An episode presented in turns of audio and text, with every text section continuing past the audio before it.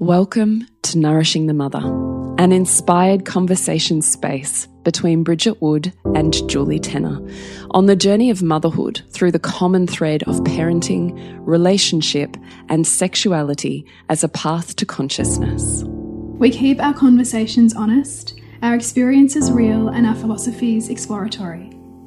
We believe that in order to raise incredible humans, we first have to raise ourselves. We know that in order to rock the family, you've got to nourish the mother. If you are here, you care about paving a path of conscious and intentional motherhood, connected with yourself and your gifts, and also illuminating your children in theirs so we may raise more whole humans who can impact this world in a more humane way. If you desire to integrate your learnings practically and supportively, head on over to bridgetwood.life or julietenner.love to go deeper. And for all live streamed, pre release podcasts and all our free content, head over to our free Facebook group, Nourishing the Mother with Bridget Wood and Julie Tenner. We are Julie Tenner and Bridget Wood, and we are so grateful you're here. Hello, and welcome to Nourishing the Mother. I'm Bridget Wood. And I'm Julie Tenner. And today's podcast is We Can Lead with Our Hurts or We Can Lead with Our Hearts, which is such a powerful and, dare I say, channeled statement that Bridgie came across when she was reflecting on some journaled notes. Mm, mm. Yeah, God, it just takes you right to that to that point, right? Like in every moment we're choosing. Yeah or not. Yes. Like time we're choosing or not, right? We're either responding to past feelings, which just habitually create a patterned response in us, or we're choosing. Yeah, you still have a choice. Yeah. Yeah. But sometimes that choice to do something that's different, you know, that leads from the heart and not from the hurt, can be so big, it feels like you're going through a drug withdrawal. Yeah, totally. Because that is how deep our patterns can go. Oh. So I want to preface this episode with like enormous amount of compassion and uh, we have been where you are. We continue to be where you are because that is the human condition. Oh, amen. But that's where I want to take the conversation today. Yeah, no, I really love it because I think it actually leads on powerfully from where our conversation has been in the last, you know, four weeks or so. Mm.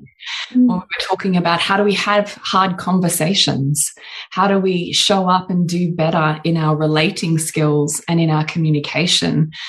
Like all of that leads ultimately also to this question, right? How do we focus on our impact rather than just our intent?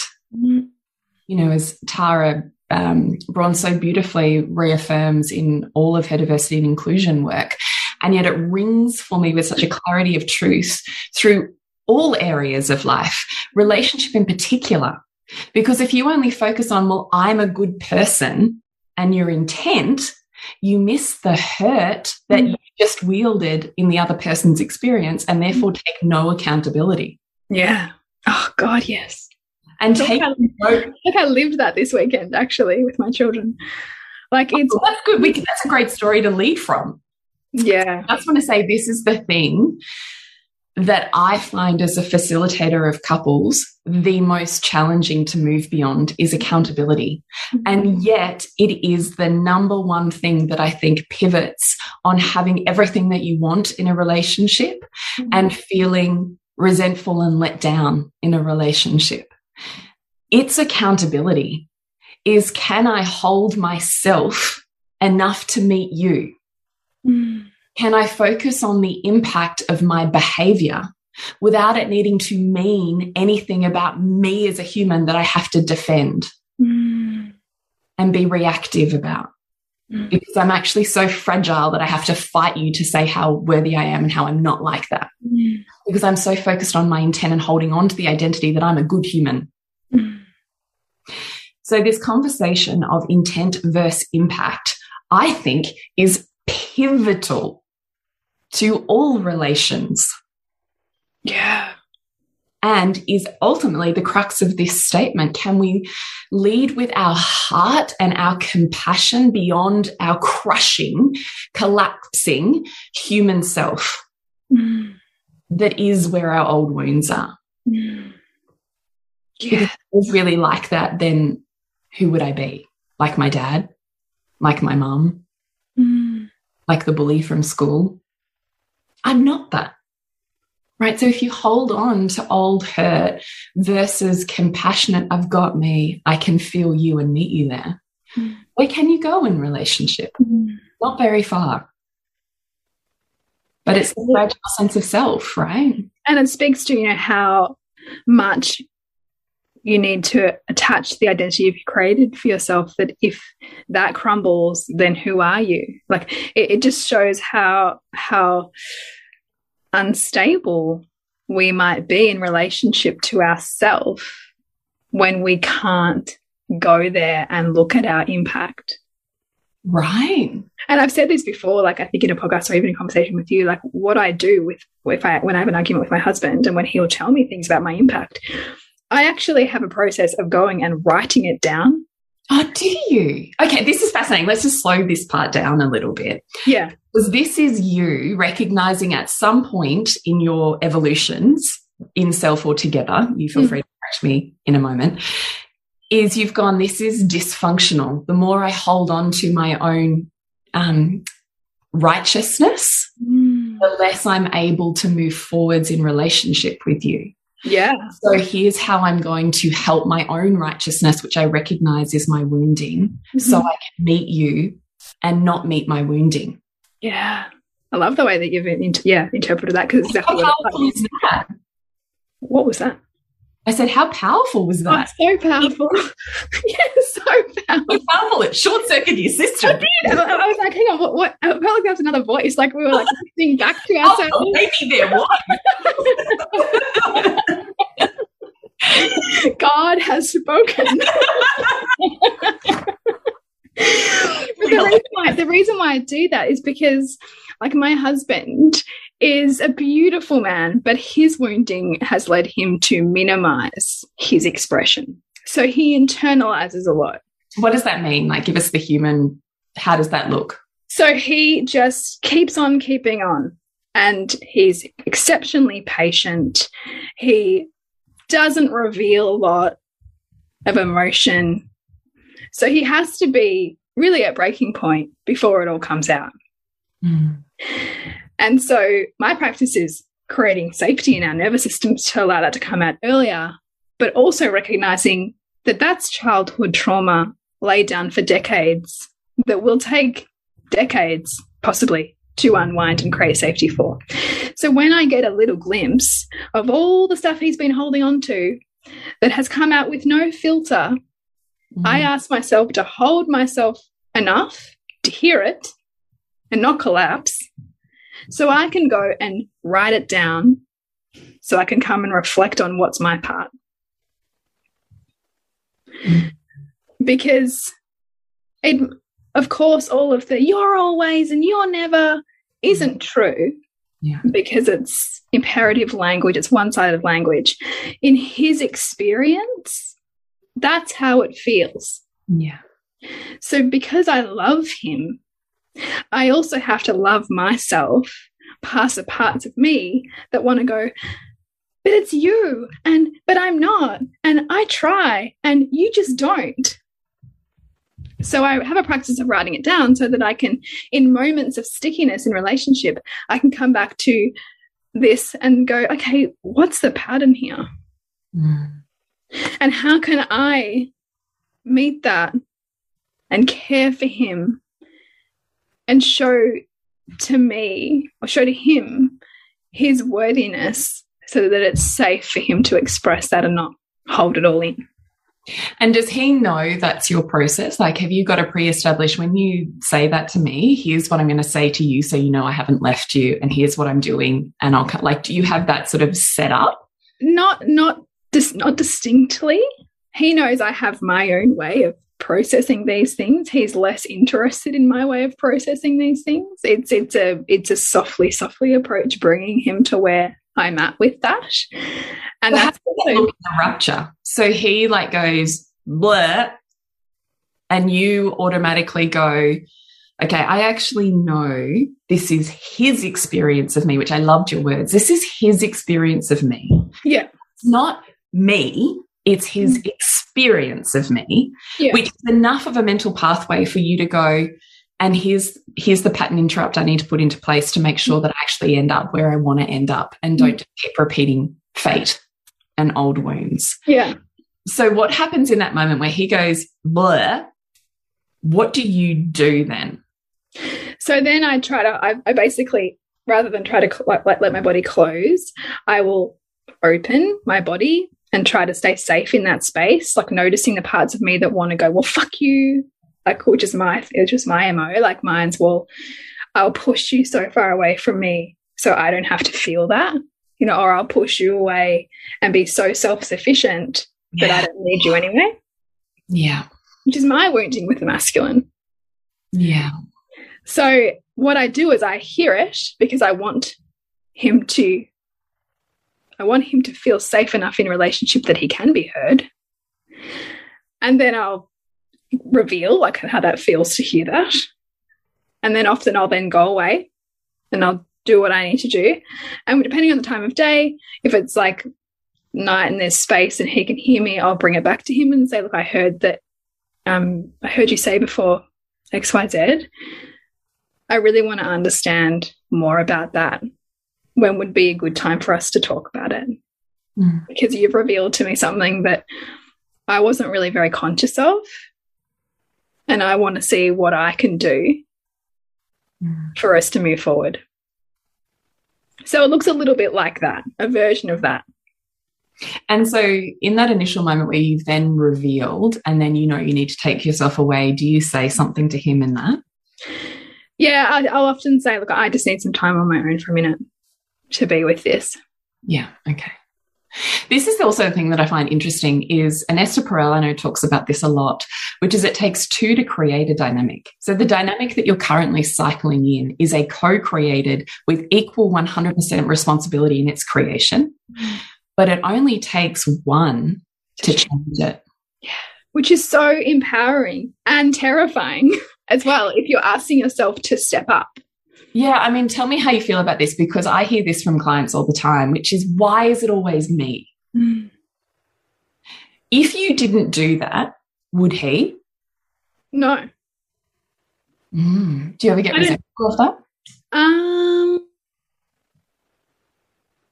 I have in the past before I took ownership.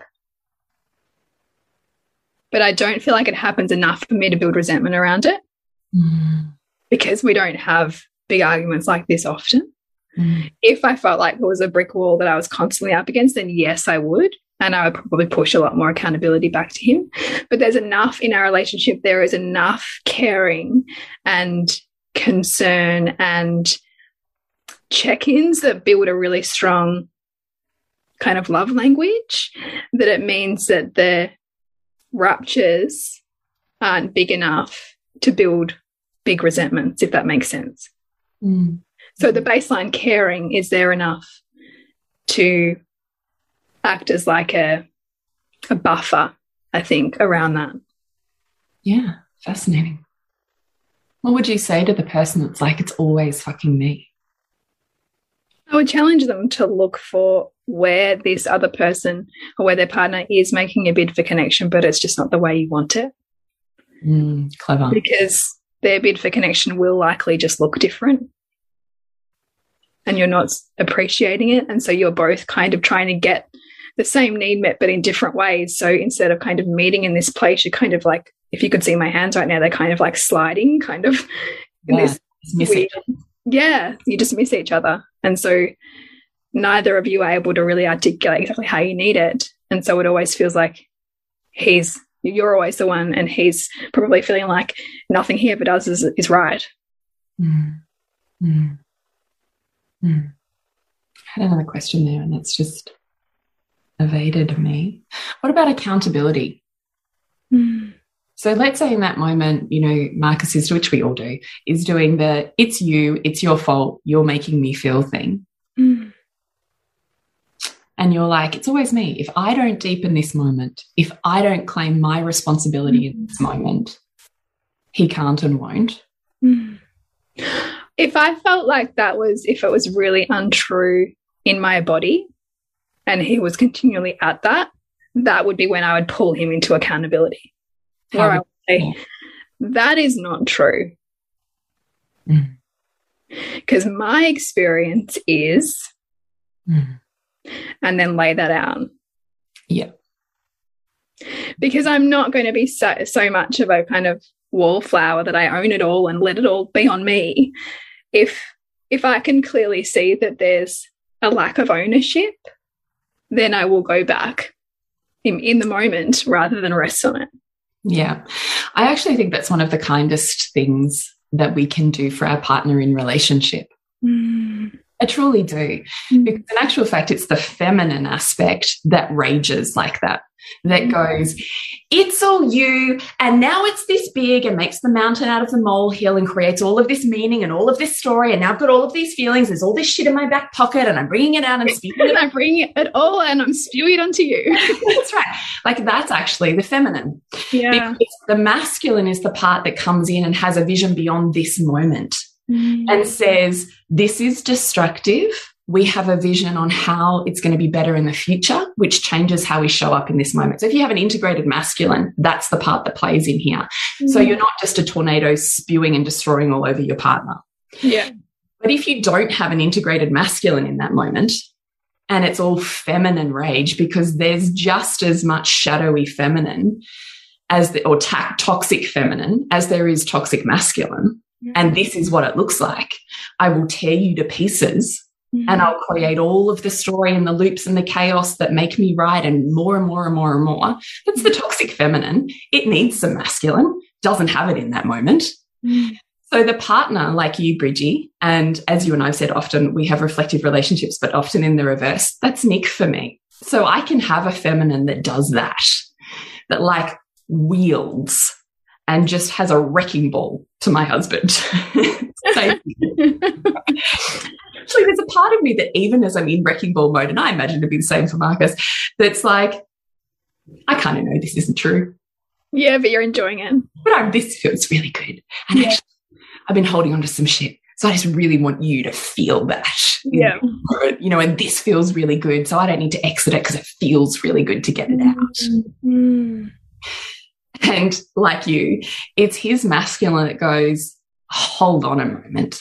I will not let you abuse me in that way. That's, you know, he wouldn't say abuse, but I'm just saying. Yeah. Or I let you speak to me like that or whatever it is. which is what you're doing. When you're saying, no, that is untrue. These are the times where that, you know, has happened in the opposite or whatever you would mm. bring evidence for that pulls that down into something more rational. It's those moments that actually offers the feminine an opportunity to come back into its gifts because it's gone into a toxic state. Mm. That actually goes, stop. I won't let you destroy you, me, this. Mm. Come back. Mm. So that actually, the fact that Nick can call me out on my shit, or you can call Marcus out on his, or whoever our listener or is. he calls me out on mine. Yeah. whatever. Yeah. is actually the gift. Is actually the gift. Mm. Only we like to read it in our culture as there's something wrong with you and how dare you and I'm perfect as I am. But the gift that's, which makes us think we're in some kind of glass trophy cabinet where we can do no wrong or, you know, it's somebody outside of us. Like, yeah, I reflect often on the fact that whilst it's painful in the moment, that is the best fucking thing Nick could do for me as a human, mm. for me as a spiritual being, for me as a lover, and for our relationship and family. It's the best thing he could do for me in that moment. Mm. Even when it hurts, even when it's part and of you. Like, you know, you can't even hold me. Like it hurts. Like, oh, I can think of so many moments. I even think about it in terms of when we first when we first met I was still cycling through some pretty intensive trauma abuse patterns, particularly when it came to sexuality. So um, I was dating three other people while I was dating Nick. Like, talk about body abuse and just leaving myself. It's, you know, one of the ways that childhood sexual abuse can go. And I remember about three months into our relationship, I remember him looking at me with this total, like fucking masculine as fuck body, but this open heart that just reflected how much I was breaking his heart in the moment. Not because I was doing something to him, but I was breaking his heart by him watching me do this to me. Mm. Watching me do this to me. Did that make sense then? Yeah. And it was actually that moment that made me go, What are you doing? Mm. And that almost has set the pathway for the rest of our relationship. Because anytime I move back into those toxic pathways, he like goes, What are you doing? Oh, God, I love that. Oh, I tell you, I reflect on it often, and particularly the older I've gotten, and the more we do relation, the more I do relationship work, the more I think, what is that? And in actual fact, that's what that is, mm. is calling me out on my shit. Because it's bullshit. What I was doing was bullshit. Mm. But I was in it. I couldn't see it. And I isn't that just but and that that is masculine in full consciousness who can do that. It. This mm. is my point. And I and, and in fact it's like of all the there's all of all the times I can like count on my hands where I've completely unhinged feminine markers. One of them was I remember this car trip, and it would have been about 12 years ago before when we were engaged. And I um I was just noticed I was having these like wild feelings of infatuation and attraction to other men. And I couldn't like I was it was getting to the point where I was feeling guilty about it. And not knowing what to do with it. Mm-hmm. And I just couldn't handle it or stand it in my body anymore. So I just like verbal diarrhea, blurted it all out, all of this stuff that was going on for me. And like, I didn't know why I was feeling like this. And I was crying and just all this stuff. And he was driving and he was like, All I can do is love you and just keep loving you the best that I can because I'm here and I want to love you. And it was just that that that capacity to just be unwavering and accepting and being so solid when I was so like water and like the ocean was just it just I can still feel it and it just opened all it did was just expand my heart even more for him. Mm. And after that, it was like a big shift because I was like, fuck, like he's got me. Mm. So do I can I lean into this? Can I let myself be held like this? Yeah, because instead of be pulled. Yeah, because anything else is me in that moment, right? Like in that moment, it's so clear. I'm here. I'm loving you as mm -hmm. best I can. What are you going to do with that? Yeah. And it was so because, and he was so strong in himself, he didn't need to do any convincing. Mm. He just knew he could love me mm. and continue to love me, right? But he wasn't attached to me loving him. Mm. He was just the consciousness that held it all together. Like, how fucking beautiful. Yeah, it's amazing. So sometimes we have to just, yeah, let, let us let our heart lead, right? Like, and, and be courageous enough to reveal it as well. Yeah. Yeah. And then we get, when we see that choice, we get to choose. Mm. Are we going to keep leading with the hurt? Let's take my example and then we'll move to you, Bridgie. Was I going to just keep fucking randos? Mm.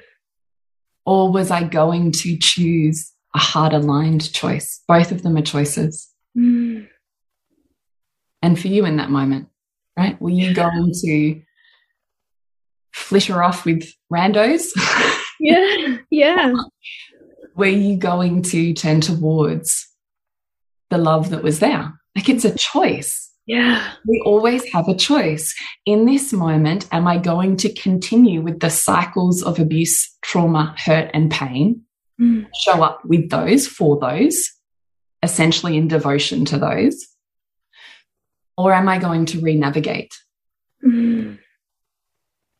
And it's not an easier choice. Growth isn't. No. It hurts. And often you're fighting instant gratification. Yeah. And and if potentially you're in this dynamic in a relationship where it's easy socially to make your partner wrong for maybe their behavior, mm. you're also not only fighting your instant gratification and seeking something else that feels better in your body, you're also fighting social mores that make him wrong or her wrong. Mm. Yeah, totally. Which feeds your story. Yeah. And disconnects yeah. you from your partner. Yeah. Which we do it also with children. Like we can find all the reasons why children misbehave, right? Or we can find all the reasons why there's something wrong with our child instead of going, okay, what's really here? Yeah. Beyond all the things that my head wants to tell me it is. Yeah. We're just interrupting this podcast on we can lead with our hurts or we can lead with our hearts to let you know what we've got going on right now. Coming up with me, Bridget, it is Disrupt, Revealing the Mother Wound, where we unpack your imprint and the broader socio-cultural imprint of motherhood so that you can find more fulfillment, freedom, and joy in your mothering journey. Find out about that at bridgetwood.life. And you, Jules? Is Lovers School, which is four weeks together on redefining pleasure, passion, and polarity with a sexuality focus. And you can find out more at julietenner.love. Yeah, I just thought also in this conversation it was worth touching on shame and guilt, mm. only because I think they're the two emotions that get in the way of accountability. What do you think about that? Absolutely. Yeah. Because I mean, shame, it's that feeling that we want the floor to swallow us up. So as if we actually want to go and be in it any longer. Mm.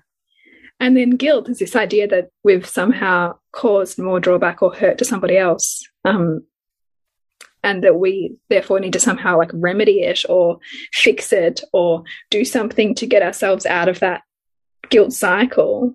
But that just keeps us stuck in a pattern as well because we'll keep doing the same thing in order to try to somehow remedy what we're feeling guilty about. But until we address what until we address the guilt for what the content is there, it's like a it just festers. Mm. A little bit like I had to actually go and excavate all these feelings that I was having, bring them to the surface of my relationship, like toss them all out and let them be seen. Mm instead of, you know, shove them down, which is what my conditioning had taught me to do because yeah. they were wrong. Yeah, because shame's that you look down on yourself inwardly. Yeah. Guilt is that there's structures outside of you looking down on you. Yeah. Right? Yeah. Both of them, neither of them create a space in which you can actually, you're free for choice. Mm. Because in both of them, you're like in shame, get covered in self minimization, mm. potentially even down all of the way down the emotional scale to hatred. Mm. How can you possibly make a heart and soul aligned choice when you're on that spiral? Like you, you can't because all you're doing, it's like the animal in you, all it's trying to do is crawl out of the hole. Yeah. It's very hard to access a higher consciousness from that place because it's so low. It's just such a low vibration that yeah. it's just survival. And it's like, what can I do next to get me out of here? Yeah. So you'll either hate the person that you perceive as making you feel this way, mm. or you'll hate yourself enough that you'll claw really hard to get yourself out of it, but still self focused. Mm. Instead of what you can give. Yeah, instead of how we show up in this moment. Anyway, I just thought it was worth having a look at shame and guilt just because they are probably the two that we're going to run into mm. that prevent us from taking accountability in this moment, that prevent any one of us from deepening an experience mm. or a dynamic that creates a different outcome. Yeah. Because we're always going to revert to hurt. Like our pattern or our patterns that have been laid down, we will always revert to those unless there's a level of consciousness. Mm -hmm. We can't be conscious all the time. No. So it's folly to think that we can even on some level evolve beyond. Like I just, I have such a um, body felt sense of, of, of, what the word is, but how we're like, it's in the animalesque DNA made flesh part of me. Mm. So it's pointless trying to remove myself from my bodysuit. in order to not feel it. In order to not feel it or assume that I can somehow astral above it. Mm. That's like that's like that's the epitome of spiritual bypassing. Yeah. As opposed to, wow, this exists. This is my belief that set up this story that filters how I see the world, which influences how I show up in every moment. Mm. I'll probably always come back to that. Or it'll catch me. I'm like, I thought I thought I was done with that. And then boom, it's back. Oh, God, damn it here you are again. Fuck you, but let's get to work. but I just think that's that we we will get faster and better at pulling ourselves out of it and continuing into a more aligned belief system. Mm. But my point is we will always revert mm. to our creation stories. Yes. So it's just such folly to think that you won't. Mm you just get better at noticing it and get better at the toolkit for moving moving out of it so that it doesn't keep into the heart. Yeah. Yeah. But if you're like, oh no, I'm just, you know, I've moved beyond that. That's not a story playing out for me. And therefore in this moment I'm I'm righteous rather than running a wound, which is mm. what you're doing in that moment. If you've put yourself or someone else above you or below you, you're in some form of righteousness. Mm. Mm. And you're not going to be able to connect to the heart, which sits in the middle at equilibrium in either of those scenarios. Yeah.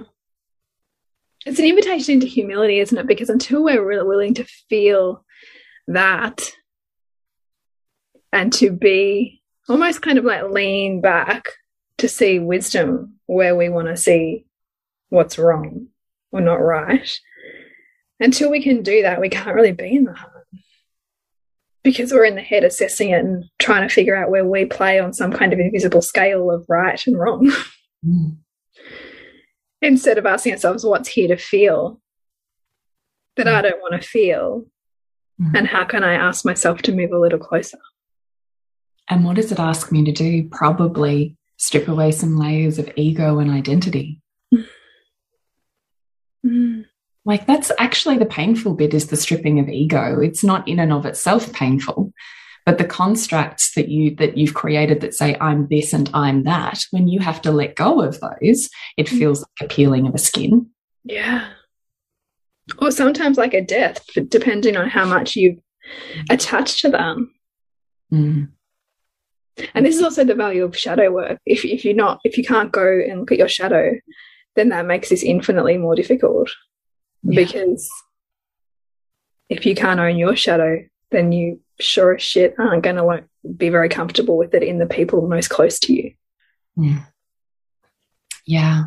And I also think how do we lead with heart instead of hurt plays out in relationship, as we've just talked about endlessly, and parenting, right? Like in each of those moments, how do you start to dissolve what's me and what's them? Yeah.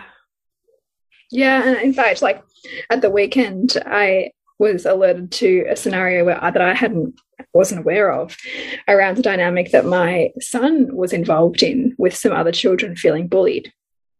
Mm. So just want to reflect on the parent level. It's really painful. Yeah, it's really painful. And I could and I could sense this beautiful mother who's also a listener of the podcast. So hi. Um, this beautiful mother, I could looking back, she was kind of like feeling me out in terms of like my read on my son's relationship with this other child who's incidentally his best friend. And I'm like, yeah, yeah, like, you know, it's been great in lockdown. They've been like, you know, been able to catch up. And it became increasingly apparent that there's a bit of a dynamic where my son isn't particularly nice to be around when he's with this boy. And that some other younger boys feel quite bullied mm-hmm. as a result at the skate park when the two of them are together. And so it was actually playing out in front of me that morning where this other boy said to my son, I feel um, you're bullying me to my son. And so my son's like, No, I'm not. I'm not. And it's that perfect example, right? Someone's revealing their impact. And my son's saying, with his intent, No, I'm not. Like, I didn't, because he didn't intend to but this child's revealing the impact, whether you intended it or not. I feel hurt. Mm. And then I having this big conversations with my son separately, and he's saying, "But I was like nice to him this morning, and I was including him." And I'm saying, "Okay, but let's reflect on every other time where this boy might have come to the skate park and felt like the third wheel, or felt like he wasn't part of it, or felt judged." And so he's got all of these things stacked up, all of these experiences. So you only have to maybe look at him a little differently or not quite be enthusiastic about choosing to play with him right now. And he's bringing up all of that experience and all of that hurt. And so by you just saying, no, I didn't, no, I didn't, you're showing a lack of willingness to hear about the impact you're having on another person. And so it was this whole big thing of like discussing impact. And also, if you're not speaking up about behavior that you see is hurting somebody else, you're also complicit. You also, by association, very often in friendships, become complicit in that behavior perpetuating because you're not pulling it up. Mm. And so it was hard because my son's crying and like I'm feeling like, oh God, like this is hard to hold. And and then eventually we got to the point of repair, and this beautiful boy was like really willing to hear it. And then he said to me, I feel so good in my body now. And so it was lovely. And they've now caught up heaps of time since, just the two of them, and they've, you know, mended the relationship. But it was just that reminder of like, we as parents also have to cultivate the willingness to move toward the part of us that feels, you know, maybe defensive or a bit yeah. unsteady when our children are implicated in hurtful behaviors. Yeah. Yeah. Fuck yeah. God, that's hard. It's so hard. Uh, so hard. Um, so hard. Gosh, Bridgie, you know, that's such a, I'm just reflecting on it all at once. It's sorry, it's hitting me and I'm not verbalizing any of it. yeah. And, and, and, and, I said to this mother, and I said to her, I said, I'm just really grateful that you raised this, like, and that you, you know, like, felt safe enough to safe enough to raise it with me. Because I would mark I want to know that. Particularly I when I when you know you and I do this work and I seek as much as possible to bring consciousness to my unconscious I also need to do that with my children. Yeah I know. It's so, so we, we also all have blind spots of which we will never fully see. Yes I was about to say that. Yes. Will we? Yes and especially when it comes to our kids because ultimately even though we like to say that you know they're separate beings we really just see a reflected version of self yeah mm. so we see so we also yeah that, that about them totally. Can add a layer on that is the system that's set up with motherhood, which is if there's anything in inverted commas wrong with your child, it's your fault. Yes, yeah. So we've also got that playing out as well. Which and it's like this motherhood thing that makes you go, I haven't done good enough. Mm. And how much you collapse into that or can hold that also defines what happens next. Exactly. And that's also part of why we need to understand and become empowered in, in knowing that we exist within that system. Because if we don't have awareness that we exist in a, in a system that also undermines us at the same time as puts everything on top of us, then that becomes one more burden. Do you need to go to that? I can hear. So this is the eight-year-old supposedly babysitting. Yeah. We were just saying, I don't think that the podcast heard that though because we were streaming. It. Oh yes, yes. so we're in lockdown, and our older children are babysitting our younger children. I think he's just stepped in. That was my toddler yelling at the door. Yeah, which is totally fine. I just want to check whether you, because you didn't have to keep pushing through, is my point. Do you? Yeah, I can see It's all right, but I just wanted to check in. Thanks for checking. I can hear him talking to her. And I think he's directing her elsewhere. So I think we're okay. Well done, him. we just want to that both our eight year olds are looking after our, well, yours is two. Mine's, yeah. yeah. yeah. So go eight year olds. They have savings goal. Mine has a savings goal. So he's quite rising to this opportunity. Totally. And it's so wonderful for them just developmentally, mm. I think. Totally. And as you know, it deepens the relationship between siblings as well that she can I said to her before I came in, I said, now Hugo's gonna look after all of your needs while I'm while I'm in here. she obviously forgot that. That's okay. She's gone back and she's two. Yeah. she's two. She's going to forget that. that's, yeah, that's how it goes. But how amazing to go instead of, I can't work or I can't, blah, blah, blah, is how you get creative and it's a win win. Yeah. How can I? I love that. Whenever I go, I can't, I can't. Well, actually, no. How can I? Yeah, let's just get a little more creative. Yeah. yeah. I, I can't. It's just my brain's being lazy and I haven't asked, asked a good enough question yet. yeah. Mm. Yeah.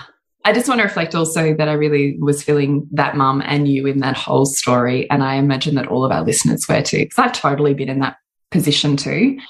I think it's socially and within a school system easier, or even a social system easier to be the mum of a victim than it is a mum of a bully.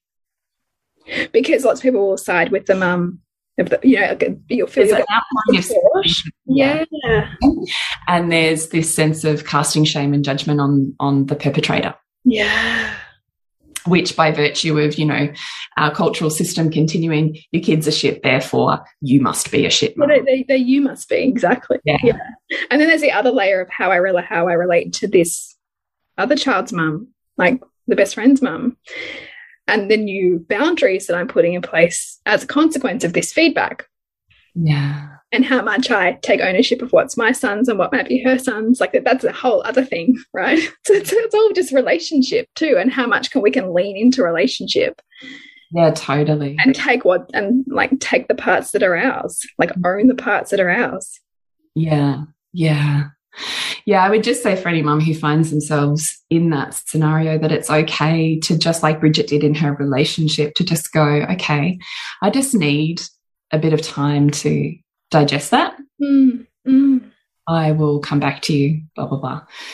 Because that initial rise and all of those defense programs and whether you are a fight, flight, or freeze mechanism will come up in that.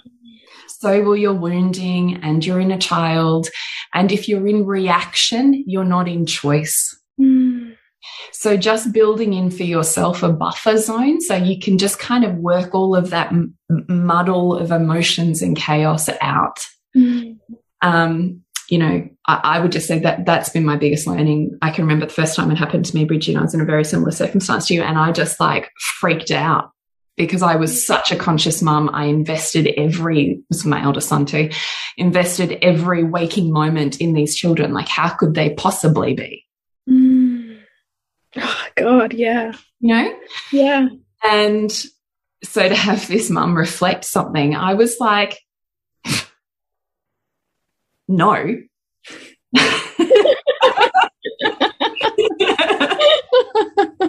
in actual, I got angry. And in actual fact, if my son has something to tell me, I'll hear it from him, not from you. oh, really? Oh, yeah. Because I go into fight mode. Like I just also want to say, yeah, this is baseline programming. Yeah. So my because my mechanism is fight, mm. unconsciously, that's what's going to come up. Yeah, what comes up. I'm not even conscious. Literally mm. in those stress states mm. of what happens in my body and what comes out of my mouth. Yeah. Uh, literally, there's it's no like I'm gone. Like yeah. like a switch. I'm gone. Mm. and so whatever comes out is fight of some sort because that's my mine's flight. So that so I had to fight every part of me that like just wanted to get the fuck out of there. Yeah. You know, go and like deal with this shit at home. Yeah. But actually, like when I had time to like think about it, I thought, no, no, because then then this is not going to be resolved. so let's just labor the point here in our little corner of the skate park, my son and I. Wow. Uh, God, I so I so um very well doing that like there and then too. I'm not sure that I think now I could, but me then when my Heath was your mm. um, Hugo's age, I don't know if I would have been able to move beyond my fight response in that moment, like to regulate mm. myself mm. and my wounding. I'm not sure if I could have done that. So I want to first say well done, and also just for our listeners to say if you can't in that moment. So what did that look like for you to then kind of like own that? Oh, well, it was a mess, of course, because my fight mode always is because, you know, it wheels. Which is part of my whole in the last couple of years. I've like that's been my focus point is you know, I've done, I think it came out as anger with my children originally. I spent a lot of time with my maternal rage. And not, not that I say, you know, it's like gone and I'm so fine with it, but like I have enough strategy around that now mm. that I'm not terrified of it essentially killing one of my children. Yeah. So this fight mode in conflict was my next, um, you know, elephant to chew Mm. So for about two years, I really consciously like talk about manifestations and intentions at the start of the year. It's been on my board was how do I make myself really safe in conflict? Mm. How do I be in conflict? And instead of like the rush of adrenaline, and I just feel like whew, as it washes through from my feet up my body, I disappear how do I bring myself back? Because actually, what I want to be able to do is actually be here, mm -hmm. but I'm not even here. I'm in a trauma state somewhere else. Somewhere like 20 years ago. like Probably longer. Yeah. Right. Like at some point with enough abuse, I learned to fight my mum. Mm. So probably way earlier. Yeah. So that for me was really having an acute awareness of if I don't catch myself in that moment, it actually is more destructive mm because it wields a bigger destruction. It does. Yeah. I don't want to get rid of it because, you know, if someone's trying to rape me or something, that's what I want to come out. Yeah. But I want to be able to have a level of um, consciousness or embodiment in how so for me, it was building in that awareness of you've just got to breathe and just give yourself a minute to come back into your body. And then you've got to, you've got to move away from here, sort mm. shit, and then you'll be okay. Like just build in that distance instead of reaction because it's so spontaneous. Just build in a slowing down. Mm. And so that evolved then into with what my nervous system could tolerate with um, you know, being in conflict and being embodied, which I think, you know, I'd said to you whenever it was now, a year ago, two years ago, I can't even think, when I was in conflict with that dad at basketball. Do you remember? Yeah, yeah, you got that practice right. Practice yeah, that was a combination for me where I went, oh, I've been working really hard on this thing, mm. and here I am doing it. That's yeah, amazing. That's like cool. me for the whole of my life has wanted to be the me in this moment. Mm. You know? Yeah, that's powerful. And here I am. So that for me was when that happened. But me back then, when I'm being told that my, you know, beautiful, gentle, kind, passionate, kind son was not. Yeah. like, oh no. No. At least he's not true. and um, so what I recognized is like what I learned from that, it was worse because I then, that was a good friend of mine too. Yeah. So the destruction that I created there and the healing and repair that was required in that relationship was hard. Mm. Like it was, it's good. We're good friends now, but it was a hard, tenuous process that probably took four months mm. before we were back in a comfortable relationship. Mm. So there was that. And then, um, I learned then what I need to do is just essentially go, thank you for that feedback. I'll check in with my child and I'll come back with you to you. Mm -hmm. Because it is also true that sometimes other people have a different version of what happened in reality. Mm. And also true that children tell their mums what they need to get the attention that they need. Mm -hmm. And that may or may not be true of what happened in the moment.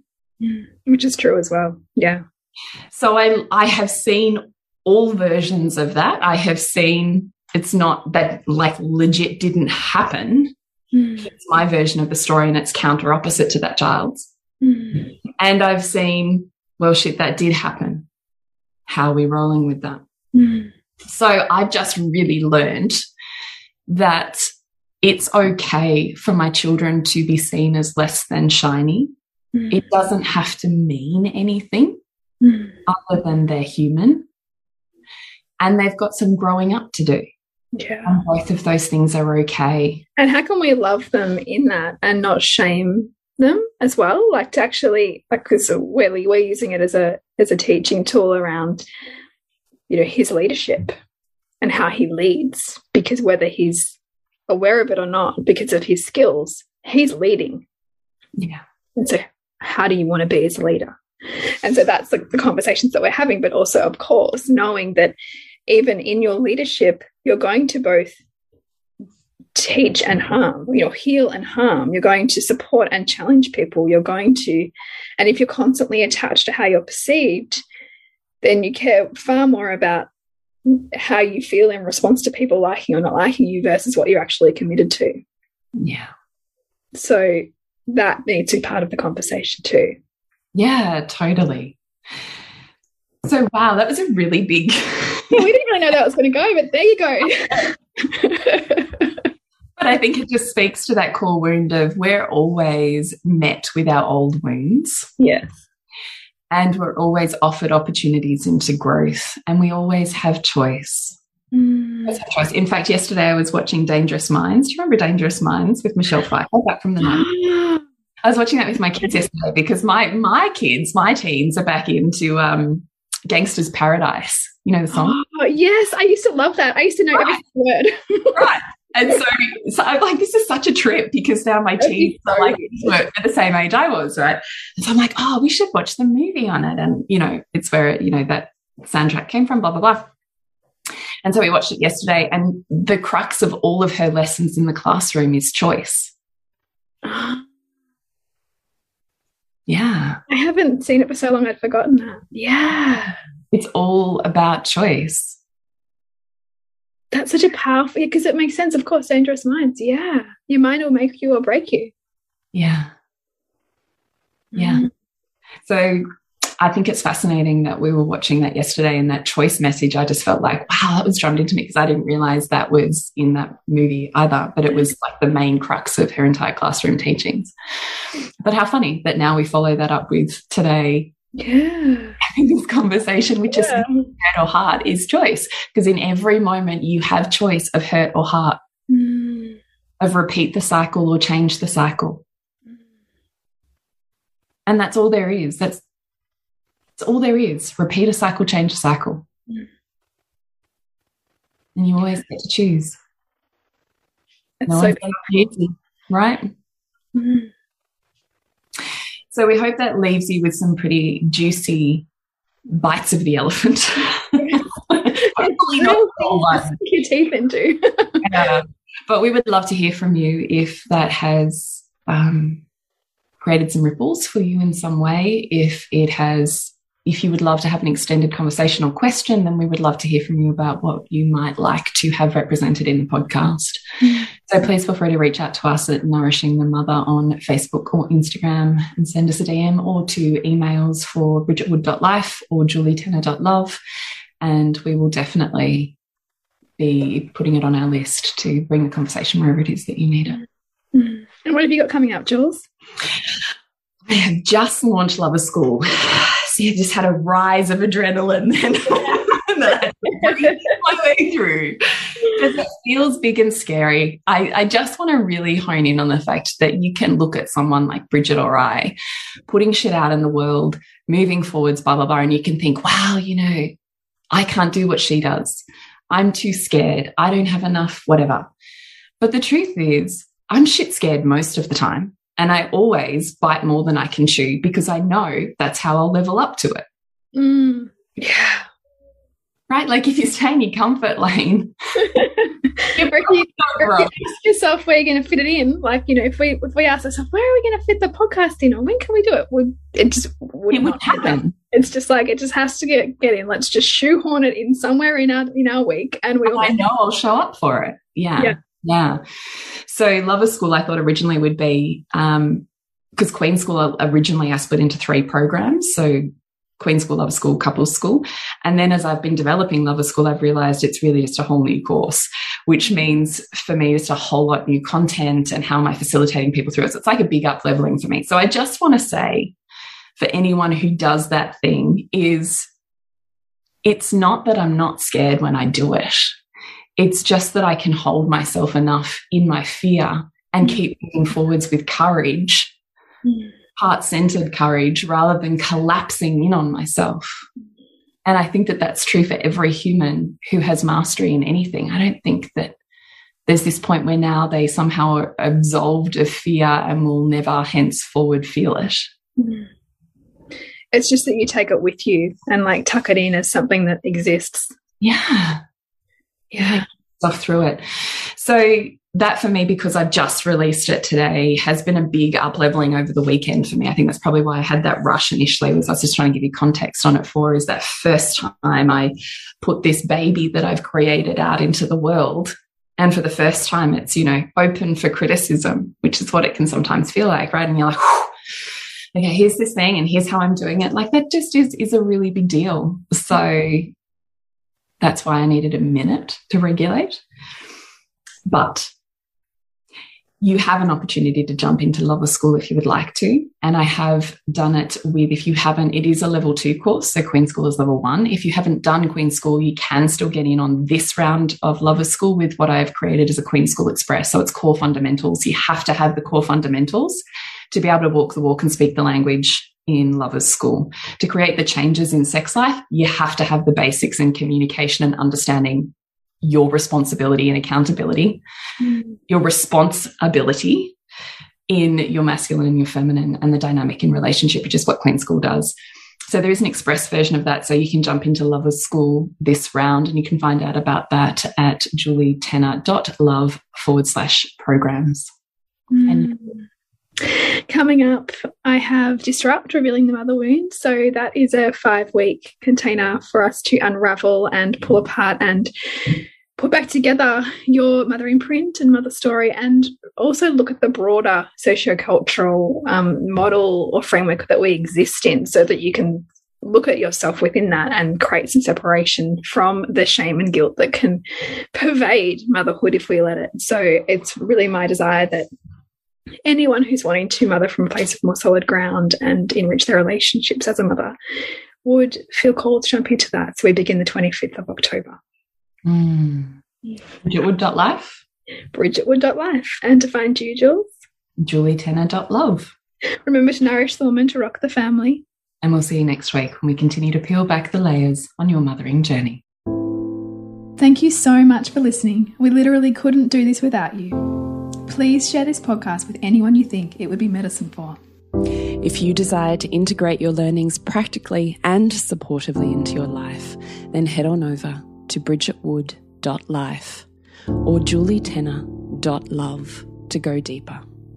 And if you feel like giving back a little to this free content, please rate us on iTunes or Facebook, all of which helps the podcast reach more mamas who need this type of tonic for the soul.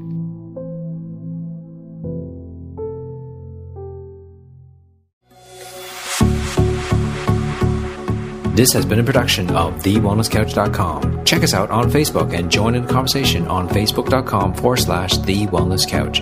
Subscribe to each show on iTunes and check us out on Twitter. The Wellness Couch, streaming wellness into your lives. Whilst the Wellness Couch presenter endeavor to provide accurate and helpful information to their listeners, these podcasts cannot take into account individual circumstances and are not intended to be a substitute for health and medical advice from a qualified health professional. You should always seek the advice of a qualified health professional before acting on any of the information provided by any of the Wellness Couch podcasts.